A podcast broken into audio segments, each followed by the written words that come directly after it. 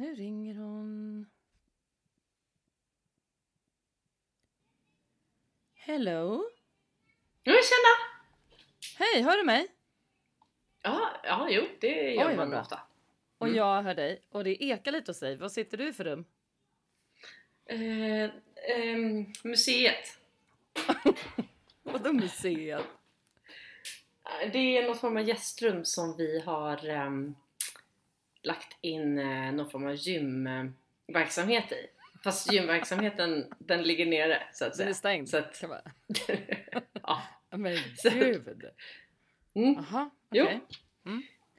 Men Eh. där sitter du. Det är ju inte så konstigt att det känns som att det ekar lite hos dig då. För att det är helt enkelt lite kallt, eller? Jag tror för min kropp känner likadant inför att titta på det här gymmet. Känns liksom lite, det ekar lite så att säga. Oj, hoppsan. Ett eko av ditt forna jag. Nej, det är ett jag som aldrig har funnits. Just det, jag tänkte inte på det. Ja, Jag glömde den lilla det. detaljen. Men okej, Jajamän. ehm, vad, vad händer annars? annars. Ja, Um, var det gingen där eller? nej nu kör vi ingen.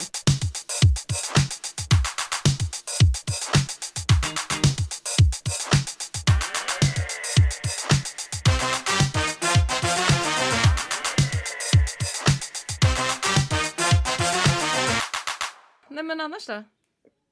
Jo, alltså jag har insett att jag gillar verkligen Alltså jag gillar inte jul så mycket. Framförallt inte liksom när, när, när vi inte får fira ihop och, och jag inte får fira det ihop med, med familjen hemma. Men december, alltså vägen till jul är ju otroligt härlig. Ja det Så kan det verkligen vara. ehm, mm, Så jag gick liksom all in på, du vet, eh, stod och så Google Translate, eh, vad heter det? Kryddnejlikor och sånt för att göra egen pepparkaksdeg. Va? Och eh, ja, så att det har vi gjort nu. Så vi har bakat pepparkakor och eh, jag eh, har alltså bakat, jag tror världens fulaste pepparkakor. Klätt världens fulaste ju- plastjulgran. em, pyntat liksom världens fulaste... Jo, just det! Jag skulle göra en sån här do it yourself adventskalender. Aha. Nej, det var inte heller. Men nej, det går inte. Det här känns inte som ditt bästa ämne. För det måste ju gå snabbt, vet du. Jo, det, det- jo jag kan tänka mig det. Men, men du, vänta. Jag måste bara tänka rent praktiskt. Ni har väl inget julpynt med er dit? Ni har väl alltid julpyntat hemma i Sverige när ni har varit här? Eller jag fattar inte, vad har ni för pynt än? Ja, men det är kanske det du inte har missat så att säga. Utan vi har liksom lite plast... Nej, men, jag- men du, Attiraljer, heter det ja, jo precis. Men, men, men, men jag tänker på, nu det, är ju första advent idag ja, precis. Jag vet, men vi är superpepp alltså. alltså wow. Barnen är asnöjda och det känns som att det kan bli en väldigt, väldigt lång månad så att säga. För att Mm. eh, Lo har redan liksom gett jultomten vatten och kakor och liksom sådär. Och liksom, Lo, så här, ja, tänker att han kommer imorgon och, och hela den stilen. Nej. Så att, ehm, men eh, som sagt, jag tycker ändå advent är ju Ja, sjukt eh, Det soft. Alltså. är ju lite mysigt ändå, jag håller med. Vi har inte alls kommit någon vart i detta ärende för att eh, vi har liksom inte ens tagit upp julkartongerna från källan. Så att vi, det är liksom lite grann vad jag tror att jag ska ägna mig åt sen när vi har Nej. spelat in det här. Men, men, jag, men jag fattar inte. När, när ni har bott utomlands nu då, för, men nu, nu är det ju i Jakarta. Eh, det, är det liksom någon högtid där, där man pyntar? För de firar ju inte Mm. jul på det sättet såklart.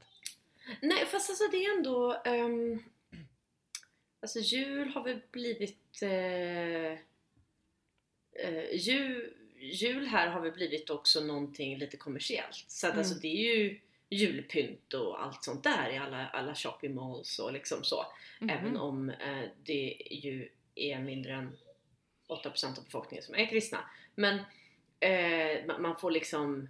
Det är, det är fullt julkör när du går ut nu. Så. Alltså är det det redan nu? ja? Mm. Mm. Mm, mm, Just det, ja, mm. men det är inte ens december än. Det är bara liksom november. Oj, oj, Ja, oj. älskar men, det. jag måste Mm. också eh, handla lite så här, ju- julblommor och grejer så att det doftar lite gott. Det tycker jag nästan är det Åh. mysigaste här. Men det har jag inte hunnit göra. Nej, Eh, men mina plastgrejer de doftar inte nej, mycket. det du får ju köpa Men, någon så här, eh, det, finns det ingen så här, fake Christmas eh, eh, Jo. smell spray. F- fake Christmas candle smell. Den Ja, ska jag köpa. Eller någon sån här och, spray. och sen så, ehm, just det. Christmas tree smell. Nej men som gud. man fick Kommer du eh, ihåg det? förr av pappa eller Robban. Nej, Det av mig och mamma. Frispray. Ja, såklart. Mm, tack. Vänta, Nej, vänta, jag, jag vänta. hoppar fartsprayen. Men vänta, Fart- den hette inte fart. Vad var det här för Jo, någonting? det Nu hette Teknikmagasinet, Nej, jag lovar vet du vad den Jo. hette? Nu kommer jag ihåg. Nej. Jag kan inte ens säga ordet. Liquid. Ja, liquid, liquid ass. Åh herregud. Nej. Och vänta, vänta. Men det var inte långt, men det var inte långt ifrån idag när Fred frågade mig Mamma, snälla kan du skriva ner här vad du önskar dig? Och jag skrev ner eh, Jag önskar mig att alla börjar spola i toaletten. Och, och, Fred, och Fred bara Men mamma du kan väl önska dig något vi kan köpa eller du vet något du verkligen vill ha och jag bara det här är det jag verkligen vill ha. Jag önskar att alla börjar spola i toaletten. För att de gör inte det. Det är gemene man här hemma tycker du- inte jag. inte sköta den grejen så bra.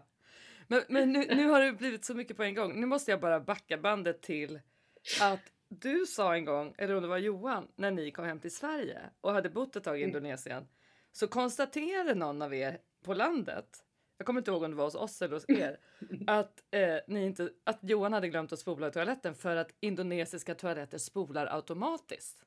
Ja, det där är en kraftig överdrift. Indonesiska toaletter generellt är ju ett hål i golvet där du öser i. Alltså, Ja, precis. Men, så ju jag, mer du har gjort av den med, med, med så öser du i. Förstår du? jag förstår. Och med Johan, alltså nu råkar vi ha en sån här koreansk toalett här hemma. Och Du herregud, vad man är kan det? Korean? diverse så här spray Ja men du vet sprayfunktioner framåt och bakåt och automatic flush när man ställer sig upp och Typ Den som öppnar här, och bockar för eh, sig, en, liksom, en när slags man såhär, kommer nej in. men du skojar, det är typ som en inbyggd intimdeo i älskar det.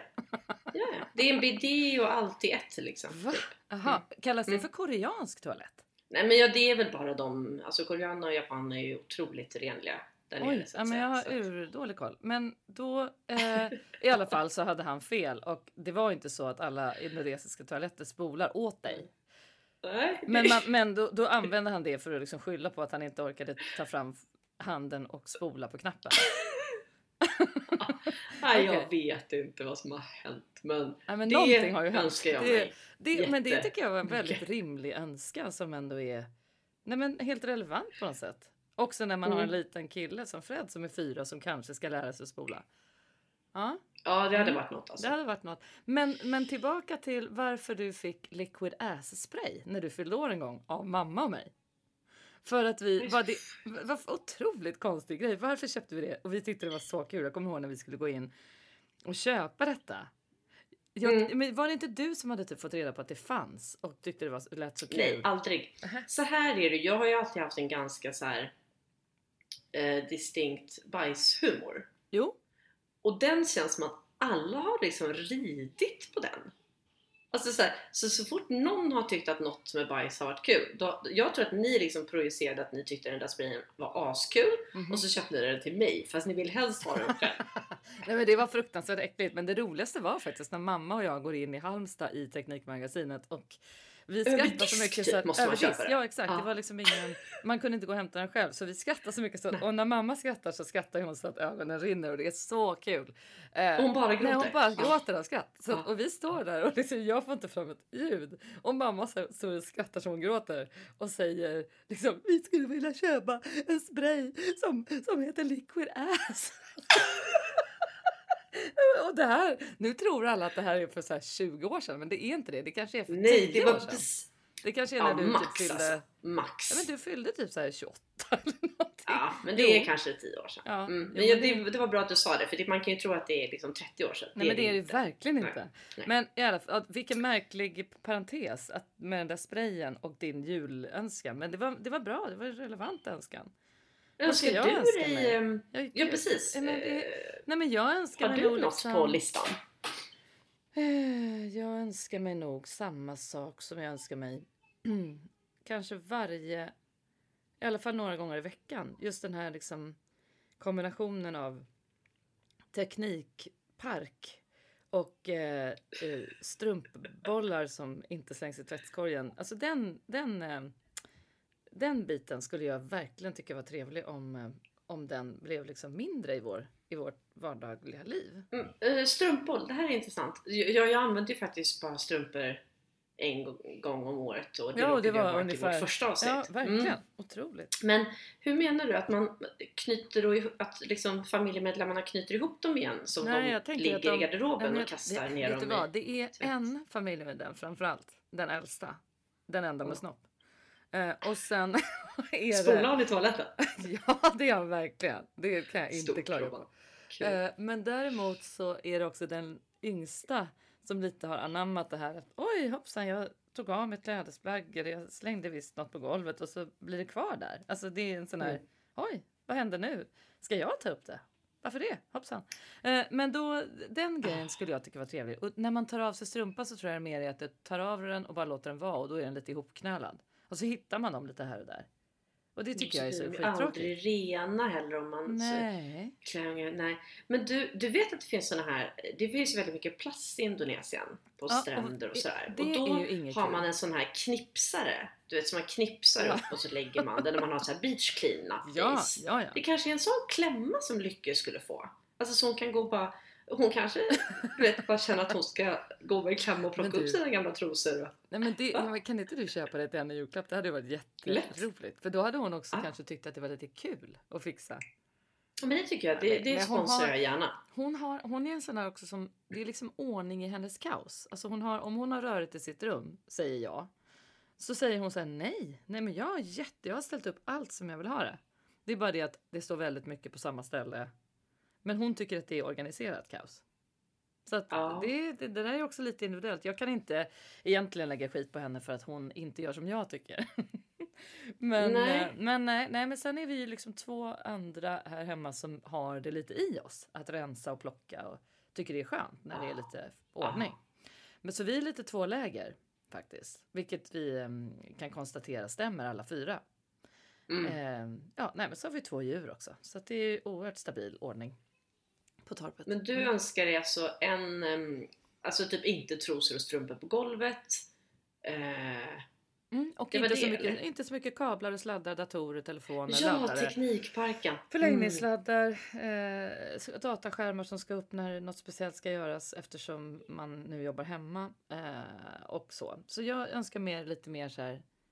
Här är jag, här är min space och när dagen är slut tar jag undan det. Det önskar jag mig. Och lite mer wireless. Mm, Fattar? mm, det hade varit något. Sån här bluetooth. Bluetooth. du har bott för länge i Kina. Bluetooth. Herregud. Men du, förra Ja. veckan Ja. eh, så var ju du väldigt förkyld. Är den mancolden över? Ja, den, den, den, har, den har suttit i ett tag alltså. Mm. Men, men, och det var eh, ingen annan känner som blev sjuk eller? Eh, nej, Johan han eh, käkade en dålig kyckling igår. Okej. En Eh, hel så eller? att um, Lo bara tittade på mig i morse när, när, när Johan hade legat på soffan i en timme och bara Mamma, är pappa bakis? Och det här Nej. låter väldigt så här, men alltså vi gör ju typ ingenting så det är inte så ofta vi är bakis. Men Nej. eh, det är i alla fall bra att hon har lärt sig uttrycka, uttrycket. Men ehm, eh, nej, alltså så här eh, när man bor här då är det ganska ofta man har vad vi kallar en, en systemkollaps. Eh, det är alltså Mm. Jag, eh, jag tror att alla kan en total relatera. urcheckning av tarmsystemet kan man säga. Ehm, och det var ju bara så här, vem, och du vet jag tittade på och bara, men alltså nu har vi bott här i fyra år. Blivit magsjuk kanske, ja, jag vet inte, 40 gånger. Nej men det är inte möjligt. Sluta ät kyckling! För det är ju typ alltid det man blir sjuk av. Jag Om jag typ någonsin kommer att hälsa på Mm. dig ska jag aldrig äta kyckling. Varför skulle man? Nej, men Alltså, och det, jag tycker verkligen det låter som det mest orimliga att äta. Men eh, så att, Åh, vad var frågan? Om någon annan blev sjuk? Av Nej, dig, men någon dig. annan åt kyckling. Det här tycker jag är en av, det här är en av de lugnaste stunderna på hela veckan. När man sitter och säger nu är jag där. Det är ingen den lugnaste. ringa. Ja. Igår så, eh, så hade Vad har du vi- gjort? Ja, men igår, jag skulle precis säga att, att vi, vi har ju då en liten bar som vi gick in och eh, började vara delägare i under vintern här nu, bara någon månad innan corona bröt ut, så det var ju en fantastisk bransch att gå in i. Men, Kul! ehm, Jättebra ja, men, ja, timing. jättebra Mm. timing. Men det har ändå varit kul faktiskt och vi har fått saker gjort. Men nu under helgen har vi haft en sån här stor eh, skaldjurshelg, för vi jobbar ju då med eh, en kock från Göteborg som har rättigheter att liksom köpa eh, färska skaldjur i Göteborgs hamn på auktion. Åh, Gud, som då alltså åkt, vi fick alltså upp 100 kilo hummer, eh, räkor och havskräftor till Stockholm vid halv tio i fredags morse som kördes, eller inte halv tio, kanske halv elva, för den kördes Nej. direkt från auktionen. Eh, och så har vi stått och packat det då, Anders och jag. Eh, och så har folk kommit och hämtat take away-påsar för det går ju liksom inte att sitta och ha servering nu under coronatider. Så att, Hur mycket fisk luktar du? Alltså, Nej men inte så farligt. Men, men allt som jag har haft på mig, du vet det skvätter ju över det här spadet och så här. Så, igår kände jag att jag luktade som en levande kräfta liksom. Eller väldigt död Ja. och kokt kräfta skulle jag rätta mig att säga. Men nej men Mm, eh, så det det har jag gjort i helgen. Men då sa i alla fall han igår när vi avslutade vårt pass. Vi hade kört i två dagar i rad och, levererat eh, 100 kilo. Eh, Ja. och då när vi skulle stänga lokalen igår och liksom hade städat ur och sådär så satt han och tog en bärs och han var så här, kom och sätt det här och jag du vet springer runt och bara säger, ja ah, men nu ska jag bara släcka här ska jag börja klart här. Så tittade han på mig så satte jag mig efter en stund. Softar du aldrig? Tar du det aldrig lite lugnt? Sa han då. Och då tänkte jag på dig, gud. för det har ju du Ja. frågat mig många, många gånger. Och svaret är Ja. liksom lite tyvärr att nej, jag är väldigt Nej, men- dålig på det. Ja, ja. Nej, men, och det, det är väl liksom det är väl det, det som är the flip side av att vara en roddare av rang som vi Mm. liksom konstaterade i, i, i förra gången att, Mm. att vi båda är. Ehm, men du har ju betydligt som sagt var eh, fler järn i elden än vad jag har och kanske ehm, inte liksom ger dig själv tid nog att bara slappa av lite. Men Nej. jag får ju samma kommentarer av Lo. Hon bara Mamma du bara går fram och tillbaka, fram och tillbaka, fram och tillbaka. Ja men vad fan, någon måste Ja. väl göra det? Ja, Eller men alltså-. Ja, om jag inte gör det, vad blir gjort då? Nej men lite så kände jag också. Och jag har inte den förmågan att liksom Jag kan liksom inte på riktigt slappna av om det inte Men är förmåga lite slash behov, eller? Nej, fast jag tror inte det är helt sunt. Jag tror att det är någon, jag tror inte att jag har någon diagnos, men jag tror att jag har en enormt hög energi. Alltså en, en grundenergi i liksom systemet som är väldigt intensiv. Du vet när vi, vi hade ett event där i våras. Eh, jag tror att det var danska nationaldagen. Vi jobbar ju lite så med temadagar och lite så roliga jippon. Och då hade vi då en dansk grejer. Ja, danska nationaldagen infaller ju alltså dagen före den svenska. Och då skulle vi Aha. ha ett event på den danska dagen med smörrebröd och liksom Tuborg och gammeldansk och, och liksom Mm. vinerbröd och du vet allt det här. Och det var så roligt. Men då blev eh, Anders, då var han lite hängig. Så då stoppade vi honom från att komma och det är han, det är han som liksom är våran kock. Så att vi ringde in en annan kille så stod liksom vi stod tre personer och bara gjorde du vet 250 smörrebröd på löpande band hela dagen som folk hämtade i kartonger och åt på plats och du vet. Och jag kom på mig själv klockan 12 på natten. Jag hade kommit dit 9 på morgonen. Klockan 12 på natten när jag stängde så kom jag fram till att jag har inte kissat på hela dagen. Nej, nej, Så vet, det är ju helt osunt. Att man, Ja, jag, nej, det är när det är intensivt så känner jag liksom inte efter. Mm. Eh, och Mm. det där är, eh, men det är jättemärkligt eh, att det kan vara ett sånt tempo. Men det har jag i alla fall gjort i helgen. Varit där och kränkt skaldjur. Eh, Men sjukt kul! Mm, väldigt kul. Och en, det är ju en sidoverksamhet liksom som alla vi fem ägare har det som bisyssla kan man säga. Eller det är väl bara ett, en Mm. kul grej som vi försöker bygga upp tillsammans. Och det är väldigt lärorikt och roligt att gå bredvid en bra kock och gå bredvid en bra sommelier och lära sig lite och så. här. Det är väldigt roligt. Så att, ehm, Ja, det är klart det ja, så det har jag Men gjort. har ni några plans ehm, i december med någonting här innan Ja men jul? du vet vi Eh, hade nästan hela december det. helt fullbokad med för det, det är ju Aha. nästan mer en eventlokal än vad det är en restaurang. Så vi hade jättemycket Mm. företagsgrupper och lite födelsedagar och vinprovningar och eh, olika liksom, evenemang som vi hade sagt ja till och folk som ville vara hos oss olika dagar. Och sen hade Mm. vi kvällar där vi bara skulle ha öppet liksom med after worker och sådär. Ehm, men vi har ställt in allting för vi vill inte faktiskt bidra till att man samlas lite för många på en liten yta. Nej. Så att vi har sagt nu att Nej, vi har bara öppet ju- för små grupper. Om man ringer i förväg och Okej. säger kan vi komma åtta personer och typ. Ja, då kan vi göra Mm. det. Men annars har, vi, har vi bara öppet för take away. Så vi har en ny sån där take away skaldjursgrej helgen innan jul. Annars så har vi inte så mycket Mm. nu. Så att, eh, jag, kommer, jag hade trott att jag skulle nästan jobba heltid där i december. Men det blir inte alls så nu. Det går inte alls. Alltså ni hade kunnat hyra in mig för fulast eh, pepparkaksbak. Verkligen, det hade Eh, kunnat vara var- ett jippo. Ja, Mm. Nej men det verkligen. hade, När du det kommer nästa gång. dragit, ehm, Ja, det, nej, men då får vi, ha, vi får köra så här livepodd därifrån. Och så får vi köra så här indonesisk afton typ. Åh gud, Ja, ja, går roligt? regn till ja, folket. Ja, Mm, mer går regn till folket. Ja men det hade varit roligt ju. Ja. Mm. Verkligen. Men Alltså, annars så har jag ju ehm, inte julpyntat då. Och det är ju min mission för idag. Att få lite gjort. Okej, men åh, gud vad roligt. Du säger ju verkligen så här, okej, det- hörde du det själv? Ja jag vet, jag hörde mig Så själv. att få lite gjort. Man Jag bara, söndag klockan 11, jag ska få lite gjort. Nej, nej men eller så Ja. ska jag bara softa. Men det jag Ja. vet inte hur man gör. Jag kan inte. Nej men jag tror att det är väl det, för att eh, ja, hög energi och det jag sa så här, men har, har vi behovet liksom? Jo men alla människor har det. Men jag har ju bara två lägen. Alltså det är ju bara av eller på. Det, det är ju liksom sova i soffan klockan åtta eller stå på Eller baren Duracellkanin. Alltså ja, det, ja, ja, jag förstår. Ja. Ja. Mm, det, det, det, ehm, Jo, men That's kanske the only way I know. Ja, jag förstår. Mm. Ja, men Mm. det är, och just den här effektiviteten som är så fruktansvärt hög.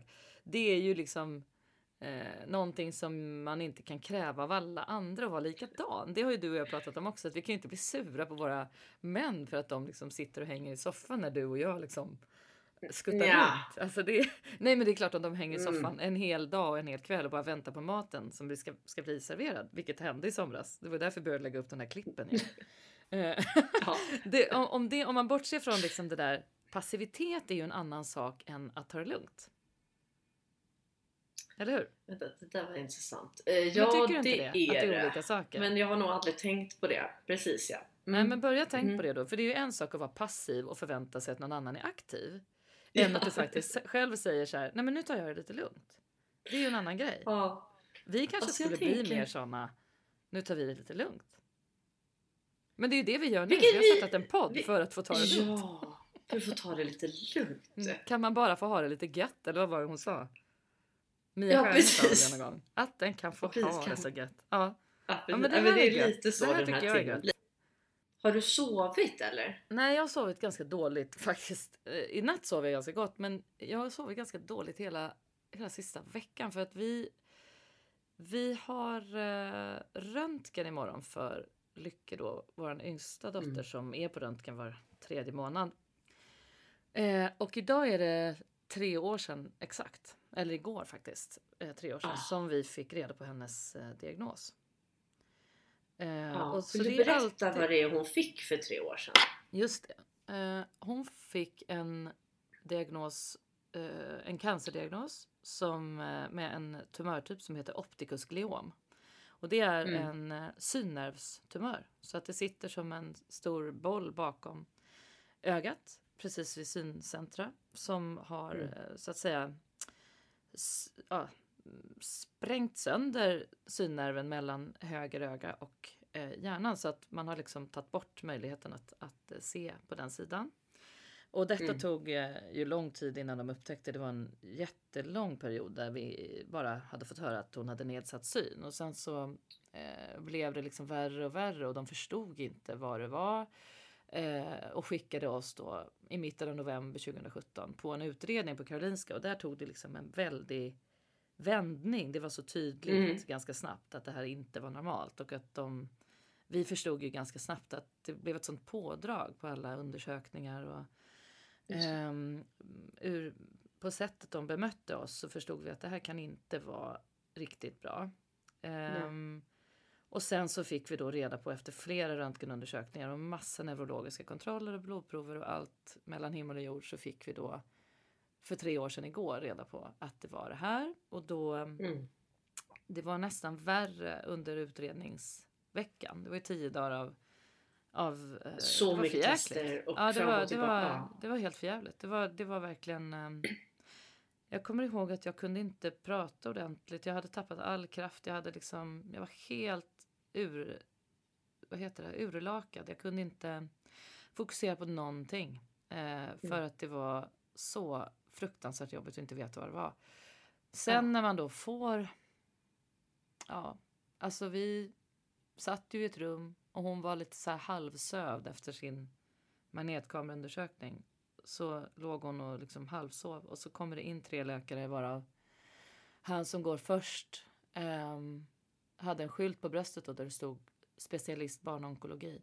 Ja, Och det kommer jag aldrig glömma. Det var så Nej. um, otroligt smärtsamt ögonblick att se den skylten och förstå att han skulle aldrig gått in här om det inte rörde oss. Nej, nej. Men denna man, eh, Claes Blomgren heter han på Karolinska institutet och på Ja, barnonkologen i vilken Stockholm. människa Han är verkar den vara. bästa vi vet. Han, han, ehm, Mm. Han kom in och han valde att... Alltså han, han hade någon förmåga att liksom direkt rikta sig till Lycke. Och eh, direkt liksom fånga upp läget och säga nu vet vi vad det är som gör att det här är jobbigt och att du inte ser och vad det är som har hänt. Och det heter så här och så här och nu kommer vi göra så här och det här är inget man dör av. Det sa han väldigt tydligt. Ja, Och frågade henne, vet du vad cancer är? Vet du vad cytostatika är? Och förklarade att nu kommer du få en medicin som är jobbig och det kommer ta tid. Hur gammal var bli bra." Lycke då? Då, då var ju. Lycke... Ja, hon hade inte fyllt åtta henne. Nej, nej. Hon var sju och ett halvt. Och eh, sen gick det ju väldigt fort då. Så att vi skrevs in på barnonkologen eh, två dagar efter det här meddelandet, så att säga, eller ögonblicket. Och eh, en vecka därefter så opererade de in en sån här portakat som är en liten dosa i bröstet på henne. Ja. Eh, som hon då skulle börja få medicin i. Och så fort den hade hamnat rätt då, eh, vilket också blev komplikationer i. Så hon var ett av få barn som fick opereras två gånger för den grejen. Mm. Ehm, då satte de igång medicini- medicineringen och det var den 9 december 2017. Och då hade Ja. hon ett och ett halvt års cellgiftsbehandling. Och det var en jättemärklig och tuff resa för henne och för oss såklart. Eh, Mm. Sen är det ju så här att den här tumören är ju då ingen dödlig tumör men det är en väldigt lömsk och krånglig tumörtyp som man inte riktigt vet hur den beter sig för att den em, kan både eh, gå tillbaka lite grann av sig själv nu när barnet börjar närma sig puberteten men den kan också få nytt liv igen. Eh, Så Mm. att det man gör det är att man kollar henne ganska ofta för att se att den här håller sig på mattan. Och det är inte bara för Ja. att man är rädd att den ska växa liksom för synens skull. Det är också för att den sitter jättenära hypofysen som då är centrum i hjärnan för all hormonproduktion. Så att man vet inte exakt hur Mm. den här kan påverka henne framöver. Så att vi, vi förhåller oss bara till liksom det de säger mellan varje röntgen. Och eh, hittills under det, det är snart ett och ett halvt år sedan hon har varit utan medicin. Eh, alltså ett och ett halvt år sedan Utan medicin men slutade. röntgen var tredje eh, månad va? Mm, och många prover. För, för att hålla och- koll. Ja, Precis. mycket mycket Och- undersökningar med öron och eh, ögon. Ja, öron, och ögon, diverse som kan påverkas neurologi och däremellan. prover. Mm, och röntgen. Ja, precis. Många kanske undrar varför tar man inte bort tumören? Eller hur Sanna? Men Mm. det är ju liksom Den sitter ju så dåligt till så Mm. att risken är ju större va? Om man mm, ska exakt. in där. Verkligen, den Mm. sitter mitt i huvudet. Och han sa det Mm. väldigt tidigt att man har både plan, plan A, B, C, D, E, F, G, H, I, J, allt möjligt innan man går in och tar bort en sån här. För att det första som händer är att man måste ta bort, eh, man rycker i stort sett ut hela synfunktionen. Liksom. Så hon skulle garanterat bli blind om de tar bort den. Och sen så är det ju så Just att eh, om man inom citationstecken säger att det enda som har hänt med henne är att hon då har förlorat syn på ett öga så resonerar man ju så att man går liksom inte in i ett så pass friskt barns huvud i onödan. Nej, nej. Så att man, man liksom riskar inte det att gå in i hennes hjärna eller hennes huvud. Liksom. Det är inte i hjärnan den sitter om jag ska vara jättenoga. Men det, Um, mm. Man gör inte det. Det är, det är mer risker och eh, det är ett mycket större ingrepp än vad som egentligen behövs då för den här diagnosen. Så det gör man bara om det är sämre läge än vad hon har helt enkelt. Och, uh, så det, det, är inte på tapeten alls vad vi vet. Um, mm. Utan det som är på tapeten nu det är helt enkelt att hålla koll på den här så att den inte växer åt fel håll. Och vad som händer om de säger nu då, ja imorgon har vi röntgen, då får man svar på vad den visar om ungefär en vecka, tio dagar. Och då gör mm. de också en neurologisk kontroll och om de då bedömer att nej, någonting ser inget bra ut, då gör man upp en plan för nästa halvår skulle jag väl tro och ehm, eh, kommer väl på någon ny behandling eh, och detta behöver vi för såklart. Det hoppas vi verkligen inte behövs. I de här nej, diagnosen det, det som, så mm, är det 70 procent av barnen som har den här eh, klarar sig med bara en behandling. Så man får ju hoppas att hon tillhör ja. de 70 procenten. Det hoppas vi. Ja, det nej, hoppas det... vi för alla barn. Verkligen. Och det är, det är ju det här som... Du och jag pratade häromdagen om det här med att... Du sa någonting om att allt är relativt. Alltså, och det är så himla mm. intressant begrepp. För att jag tänker på det generellt när vi snackar om liksom att allt är relativt. I den här världen då med barncancer så har ju vi upplevt eh, att vi har ju nästan haft, eh, Lycka har haft en av de diagnoserna som har varit mest eh, gynnsam och liksom lättast av alla barn vi har liksom träffat. Eh, men ändå vilket vilket ju är så sjukt att höra mm. i samma mening som, som, som, som cancer. Men eh, ni, ni, har ju ni har ju fått uppleva många familjers eh, öde och upplevelse på barnonkologen och det, det är väl därför du på något vis, eller ni, liksom ser saker lite relativt. Precis. Och, det där är så svårt innan man oavsett vad det gäller i livet, eller hur? Mm. Um, nu är det här ju eh, absolut uh, det, det, det, det, svartaste och, och, och jobbigaste uh, som har hänt vår familj. Um, och även när man är, när man går in i något sånt um, att det alltid finns en relativitet. Ja, och det ska man veta, um, det gör det. Det gör verkligen ja, det. Det gör verkligen Vi har ju träffat folk som har barn med alltså diagnoser som man i stort sett vet att det har forskats för lite på så att man inte har tillräckligt med behandlingar att rädda barnet. Oh, och oh. vi har träffat familjer som har förlorat sina barn. Och mm. eh, vi vet liksom när vi har åkt därifrån med henne som har varit urdålig av sin behandling och knäckt mm. över att det gör ont och att bli stucken och allt det här. Det har varit fruktansvärd dag säger vi. Så får vi ändå åka hem. Och då har vi barn oh. som inte får åka hem på ett halvår och inte träffa sina syskon på grund av infektionsrisk. Alltså det är föräldrar som går på knäna som alltså, ja, det går inte att beskriva. Mm. Men det, men det är ju så här, lika mycket som saker är relativt så, så är ju en smärta alltid eh, personlig. Mm. Och det måste den ju få vara. Det måste den alltid liksom. få vara. Det har jag lärt mig. I att, att här, verkligen att jag nej, måste... nu har inte du sovit liksom. Mm, ja, men, mm. då, då, det är ju helt, allt är ju helt OK. Det finns ju liksom inte något som är mer OK eller mindre OK. Liksom, Nej, och det där, det där har jag ju verkligen haft båda sidor av. Dels har jag själv känt nästan som en skuld att, att ha den här sorgen och oron och tyngden över mig fastän vi har det här ganska gynnsamma läget med henne då jämfört med mina nya vänner som har mm. ett sämre läge för sina barn. Det har ju också varit en kamp inombords på något sätt att tillåta mm. mig att tycka att det är jobbigt. Men mm. tvärtom då så har jag ju vänner som har varit med om helt andra saker i livet. Alltså man kan ha barn med andra diagnoser eller man har stått för utmaningar eller eh, fruktansvärda situationer på helt andra sätt som knappt vågar säga det till mig för de hela tiden ber om ursäkt för att ja, men det här är, det är inte lika illa som för dig och det, ni måste ha det så mycket värre. Och knappt vågat tala om för mig om de har haft det jobbigt för att inte nej, vilja nej. tynga mig med deras problem. Liksom. Och, och det, det, det är också jätteviktigt att tala om att så ser jag inte alls det. Däremot så tror jag att det, är, det har varit nyttigt för folk generellt att liksom bli påminda om hur, hur bra ens lilla gråa vardag egentligen kan vara.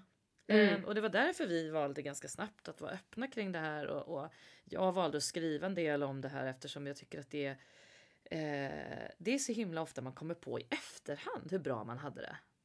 Ja. Och så Ja. kände jag ganska starkt när det här hände oss. Att åh, eh, vad härligt det var bara för ett år sedan när innan vi visste något om det här och, och undrar om jag var tillräckligt tacksam för det. Och, Mm. Ja, men på många sätt tror jag att jag har varit det. Men, men på många sätt hade jag säkert kunnat vara mer avspänd i liksom vår vardag. Och det, det skulle jag Mm. vilja verkligen skicka med människor. Att Mm. wow, det är så mycket vi inte vet och det är så, så um, mycket vi kan råka ut för. Så att så länge allting lirar, så länge allting är hyfsat harmoniskt ska vi vara ganska, ganska happy för det tycker jag. Ja. ja. Men det, det är någonting med relativitet och det är någonting med att eh, det, det är en personlig eh, aspekt i det också. Och det beror ju också på var man är, Mm. hur, man, hur man mår i stort, hur man Mm. mår idag. Hur man, men det är också en annan aspekt som jag tycker ju är otroligt, som jag, ja faktiskt, som jag tycker är tuff för er om jag nu kan uttrycka det så. Mm. Och det är ju tiden, Mm. det är ju tidsaspekten Mm. som ju är eh, som, som jag vet att du känner Mm. känns för evigt. Ja. Eh, en, en evighet i tid Mm. eh, där man då i ert läge går ja, man vet inte något innan man vet men även när man vet så vet man ingenting. Nej. Nej men Ska alltså. jag ta det? Nej men, det, nej men du har rätt. Fattar du? jag fattar, jag är med. Alltså, jag är med. Nej men du, kul. du har helt rätt. Och eh, det jag tycker är, det, men det är den svåraste biten att acceptera. Det är att eh, det kommer inte komma någon och säga allt är bra, det är toppen, hon är frisk och ni kan, Nej ni men kan gå vidare i precis, livet. kör på, Inte ni kan många, bara många aldrig komma hit. Nej, nej, nej. Utan hon kommer vara under deras kontroll till hon är 18. Men det kan bli glesare ju bättre läget ser ut. Och det är ju Mm. det man hoppas på varje år. Den, eh, det som kan hända nu är om de tycker det är stabilt är att de säger då skjuter vi röntgen till var fjärde månad. Så håller man på sådär och sen blir det var sjätte. Ja. Mm, men, men glesare än så kommer det inte bli på länge. Och eh, det kommer inte bli liksom en, en check, en bock i kanten på protokollet där man börjar säga Nej, ja, då är det här färdigt. det. Det. blir inte det på länge och det är det svåraste också för henne. Att Ja. eh, nu är hon 10 och det har varit igång i tre år exakt och det är ju liksom nästan då en tredjedel av hennes liv hittills. Mm. Och hon Mm. kommer liksom ha, eh, hennes uppväxt kommer vara eh, att hon till viss del är ett barn som är på sjukhus. Och ehm, det är både och tycker jag, för det kommer ju ge, hon har ju varit med om saker som otroligt få i hennes ålder har varit med om. Så hon har ju en otroligt eh, stark empati. Hon ehm, vet vad det är att sätta gränser för sig själv, att vara tydlig. Hon har lärt sig verkligen att tala om liksom, om det är någonting eh, på plats liksom, som inte funkar för henne. Och jag tycker hon har, eh, alltså, hon kommer få med sig massor av det här som eh, är positivt. Men, Mm. och, och det sa också en vän till oss som är läkare inom det här området i Göteborg som vi har bollat med jättemycket. Sia, en gammal kompis till Robban Ja. som har varit så ovärderlig för oss. Men hon sa det precis liksom för tre år sedan när vi hade fått reda på det här att det här kommer bli skitjobbigt men det kan vara så att det är ännu jobbigare efteråt. Men när ni väl har erfarenheten så är det många föräldrar som beskriver att eh, det har varit fruktansvärt men eh, erfarenheten vill jag ändå ha. Och Ah. det kan jag relatera till. Vad starkt alltså. Mm, men det är också Mm. provocerande på ett sätt. För att jag kan ju också känna att visst, jag har lärt mig massor, men jag har aldrig bett om att få kunna de här grejerna. Jag har aldrig bett om att få lära mig de här grejerna. Eh, och eh, det är på bekostnad av Lyckes välbefinnande. Eh, så att det finns också en liksom något, något irriterande i att, eh, att man ska in i grejer som man kan ha glädje av att kunna men aldrig har velat kunna. Och det är en jävla skillnad Mm. mellan barn och vuxna. Ja. Och, och alltså tre månader innan Lycke blev diagnosti- diagnostiserad så eh, hade ju jag cancer. Mm. Och det är en, en jävla skillnad. Mm. Eh, alltså i, bara genom att titta på ålder, eller hur? Absolut. Många har sagt det till mig också, vilket jag ju på ett sätt, vi, vi kan komma tillbaka till det någon annan gång, men liksom man, ja, men man blir en bättre person, typ. Alltså lite slarvigt uttryckt, men du förstår vad jag menar. Alltså, Mm. lite det du säger. Man lär sig någonting som man kanske inte har bett om, men förhoppningsvis plockar med sig några pusselbitar som eh, bygger, ja, vad det nu bygger. Ja, men exakt. någonting, Mm. någonting i, i, i under ens eh, li- liv liksom. Eh, det är bara väldigt svårt att ens se det när det gäller barn. Mm. Ehm, Ja, jag blir- förstår vad du menar. Jag tycker det är en jävla Ja, skillnad. Nej, men jag liksom, kommer ihåg när, ja. när du Mm. fick din diagnos Mm. eh, i juli 2017 då. Så, och du är ju yngre än jag, betydligt yngre, sju år yngre. Jag hade gått på mammografi jättelänge, eh, liksom innan du råkade ut för det här. Och sen, då kände jag ju att jag tyckte det blev ett systemfel i mig, att det här drabbade dig Ja, som ja, är ja. våran yngsta syrra liksom och eh, att det var så orättvist och också du var ju bara 34 år och det Nej men det blev en riktig käftsmäll och det var ju en jättesorg. Eh, och så hade jag det i mig då att herregud det är liksom systemfel att det skulle vara du. Och sen kommer det här med Lycke då bara några Ja, månader ja, efter. då och då snackar vi då systemfel. snackar vi ju systemfel så det bara Ja, blinkar rött. sjuåring. Eh, men det här året kommer vi ju inte att glömma i första taget 2017 som var. Allt detta hände ju samtidigt. Ehm, och det Nej, har ju men gått jättebra till 20. men ändå. Ja. Mm. Och tillbaks till 2020 liksom. Mm, Ehm, eh, vi, vi har ju vi tänker ju inte att det här ska bli en, en covid-19 podd. Nej, liksom. du hade ju någon reflektion kring det att eh, den här besattheten människan, människan, Mm. människan har Ja. i, i att planera. ja men visst. Och att ni har vant er att det gör man inte. Precis, Eh, Nej, men så. så. det kan jag Och- säga att jag, Ja. det, det, om det är några som, som kan den biten med att bara få förhålla sig till så här är läget. Vi, vi kan Mm. inte planera någonting. Det finns inte på kartan att resa utomlands mitt under den cytostatiska behandling och sådär. Det, det, det, Mm. det är bara att förhålla sig och det är, är jättetufft att acceptera. Men det, den aspekten blev väldigt tydlig nu under våren där den här Mm. eh, liksom behovet av att lära sig det här faktiskt hamnade på alla i stort sett. Eh, och då kände jag att wow, är det någon som kan det här så är det vi barncancerföräldrar. För det här vet vi allt om. Vi har levt så här i tre år och frågat om folk är friska för att man kanske vill träffa någon kompis då och då. Så här, det, det är en ständig fråga. Så här, "Ha, är ni Ah. friska? Eh, annars så ses Exakt. vi inte. Och liksom, ha, är det någon, ska vi åka till, är det någon som vill följa med till Köpenhamn? Nej, eh, jag kan inte ens tänka mig liksom, eh, eh, ja, ska vi åka till, vad, vad, vad kan man mer åka? Men att åka till er hade ju varit en dröm. Men det fanns ju inte på Mm. världskartan då i och med att det inte faktiskt ens finns västerländsk sjukvård i Jakarta. Så det Mm. sa de ju väldigt tidigt till oss att den resan kommer ni inte göra på länge. För det finns inget försäkringsbolag i världen som vill skicka iväg det här barnet till ett land som inte kan ge en blodtransfusion till exempel. Så att man blir väldigt tydligt, tydligt begränsad när ens barn har en cytostatikabehandling. Och den, den grejen, ja, tough shit, men den har ju lärt mig en del. Jag har inte varit en av dem som under coronatiden har sörjt att jag inte kan planera. Det, det jag tycker har varit värst i, det, eh, i den aspekten, det handlar ju om mina arbetsgivare, alltså teaterproducenter och så, att man vet liksom inte när arbetsmarknaden kan öppna och det är en väldigt stor fråga. Där vi är många, liksom hundratusentals, som inte vet om vi har en arbetsmarknad kvar.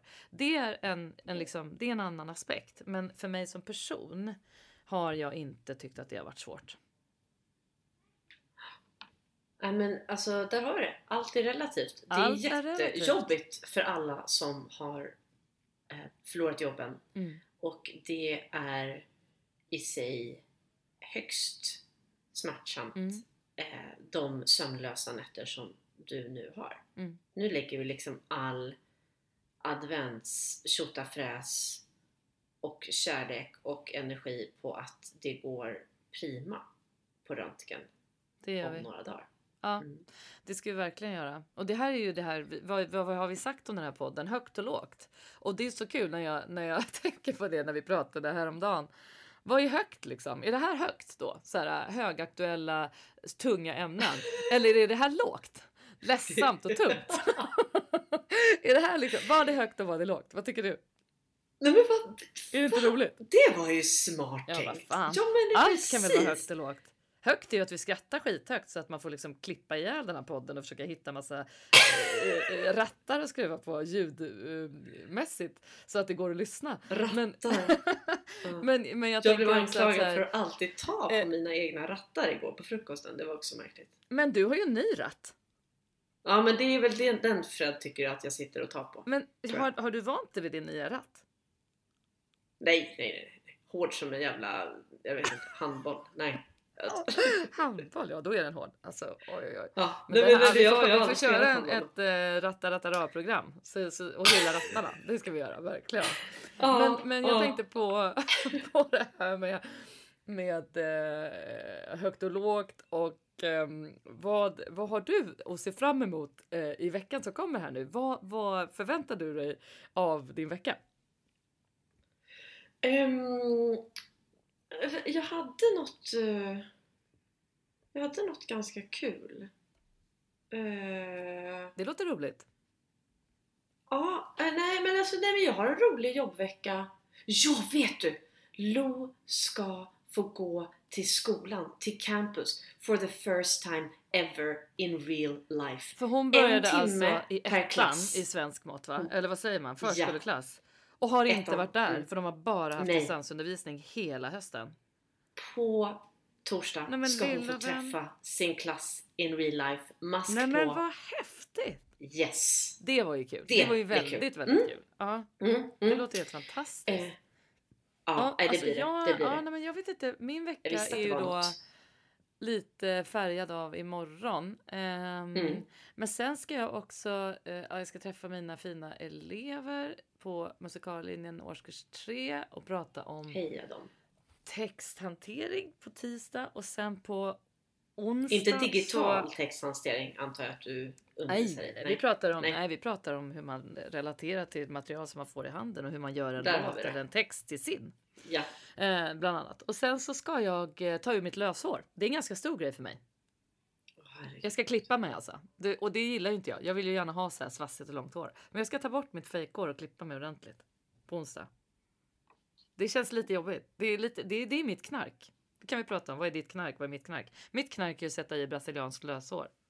Så att jag har långt hår. jag, jag, jag, vi, vi återkommer på knarket. Vi återkommer till knarket. Du, Mm, eh, har mm. vi någon att boosta? Ja, men jag, vet du? Eh, nej, jag boostar. Jag boostar. Nu, nu kommer du bli så här, "Ej, det var inte så personligt. Nej, men jag boostar forskning. Ehm, Jag hade ju inte suttit här med mina små fjuniga hårstrån som ändå är väldigt många givet eh, liksom, den medicin jag är på om det inte hade varit för forskning.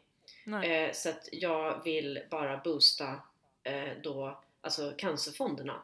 Eh, Ja. Där då pengarna går till att eh, se till så att så många kan ha det så mycket drägligare. Så att ja, det Jättebra. boostar jag. Vilken Mm. fin boost, verkligen. Och ehm, vi har ju pratat lite om att vi ska kanske ta in gäster i den här podden. Ja. Eh, för att prata om sånt som vi tycker är relevant. Och jag, eh, jag vill verkligen fråga Klas, den läkaren som har betytt mest för oss, om han vill komma och prata med mig. För att jag tycker att det är så intressant hur vissa människor har förmågan att eh, prata på ett sätt som man begriper sådana här svåra saker och återfår Mm. en hoppfull känsla av att det finns en plan. Och det lyckades han verkligen med på bara en minut eller två när vi träffade honom Hopp allra i första det gången. bottenlösa. Det ska vi prata med honom om. Klas vill vi gärna Ehm, prata med. Ja, det vill vi gärna göra för det är en enorm förmåga måste jag säga. Men jag vill boosta en annan person. Ja, Eh, kul! och då ska vi gå till detaljhandeln. Jag har en vän och en eh, H&M. eh, mycket H&M.com. inspirerande... Nej, Nej, det kan vi göra en annan gång. Men det hade jag inte tänkt. Nej. Men alltså, Nej, en kompis till boosta mig som heter Katarina Rolf. Henne vill jag boosta. Det här är en av de mest Mm. kreativa personerna jag har träffat. Hon är gammal flygvärdinna, hon har haft cateringfirma och hon har kört eget race i många år på olika plan. Nu har hon kanske den mest personliga och fina butiken i hela Stockholms stad. Som alltså går på knäna, för det gör många i detaljhandeln idag. Och Katarina är liksom, hon är keramiker, hon gör keramik och hon tar in otroligt fin inredning och fårskinn från Gotland och jättefina kläder. du? Hennes butik ligger på Birkagatan 23 och jag kan säga det någonstans, Ja. någon ska gå och handla nu, så är det där i en liten personlig affär som är uppbyggd, hela hennes verksamhet är uppbyggd på personliga möten. Och det går ju inte att mötas idag, det vet ju alla. Men där känns det säkert. Allt är rent och spritat och lugnt. Liksom. Det finns ingen trängsel whatsoever. Eh, men det hon har gjort är att hon igår drog igång en webbshop. Nej. Så hon är så snabb och cool på att ställa om och det är så fina grejer. Så gå in på Instagram och följ Rolf and Friends. Och där hittar ni en länk som är rolfandfriends.cells.com där eh, man kan gå in och klicka hem grejer worldwide Jessie. Så till och med du kan handla från henne. Eh, och det är verkligen, verkligen eh, kärlek till alla er som kämpar på egna små företag. Eh, Mm. Och då tog jag henne som exempel för hon är så duktig. Så Rolf and Friends får men min boost och eh, med kärlek Underbart. till alla småföretagare eh, vill jag eh, slänga iväg ett stort tjoho och kör på. Ja, ge inte upp, kör på. Nej. Eh, och jag tror att jag har en ehm, jag tror jag har en låt till dig Sanna som Ja. du eventuellt faktiskt eh, kan unna dig och Nej. sitta ner med en kopp kaffe Ja, eller glögg om du nu förmår att hitta det första Ja, advent. jag lovar. Ehm, och eh, den heter Put down what you are carrying. Den är skitbra. Nej men oj vad bra, då Mm. drar vi på den direkt. Mm, här kommer den. Tack för idag du. Puss och kram. Tjingeling. Just a thought. Yeah, the hangar. Sunbury.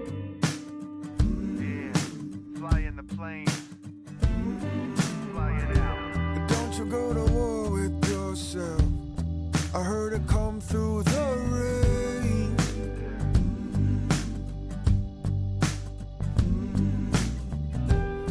Don't you go to war with yourself.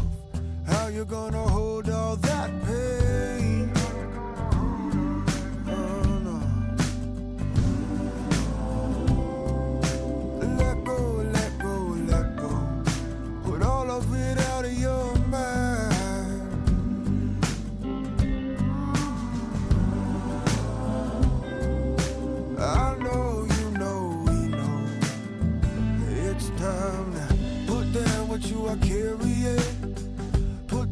What you are carrying. Put down what you are carrying. Put down, put down, put down now.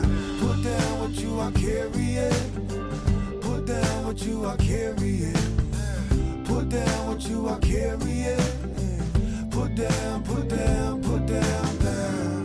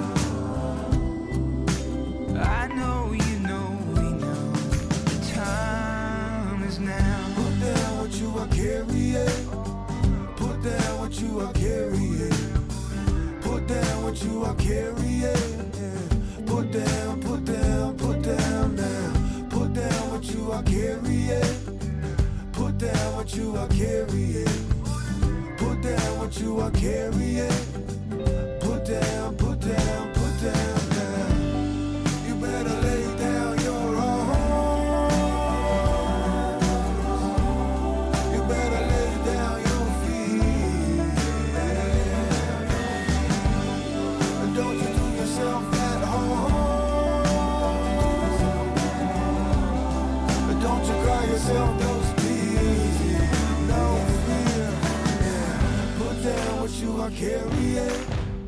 Put down what you are carrying. Put down what you are carrying. Yeah. Put down, put down, down,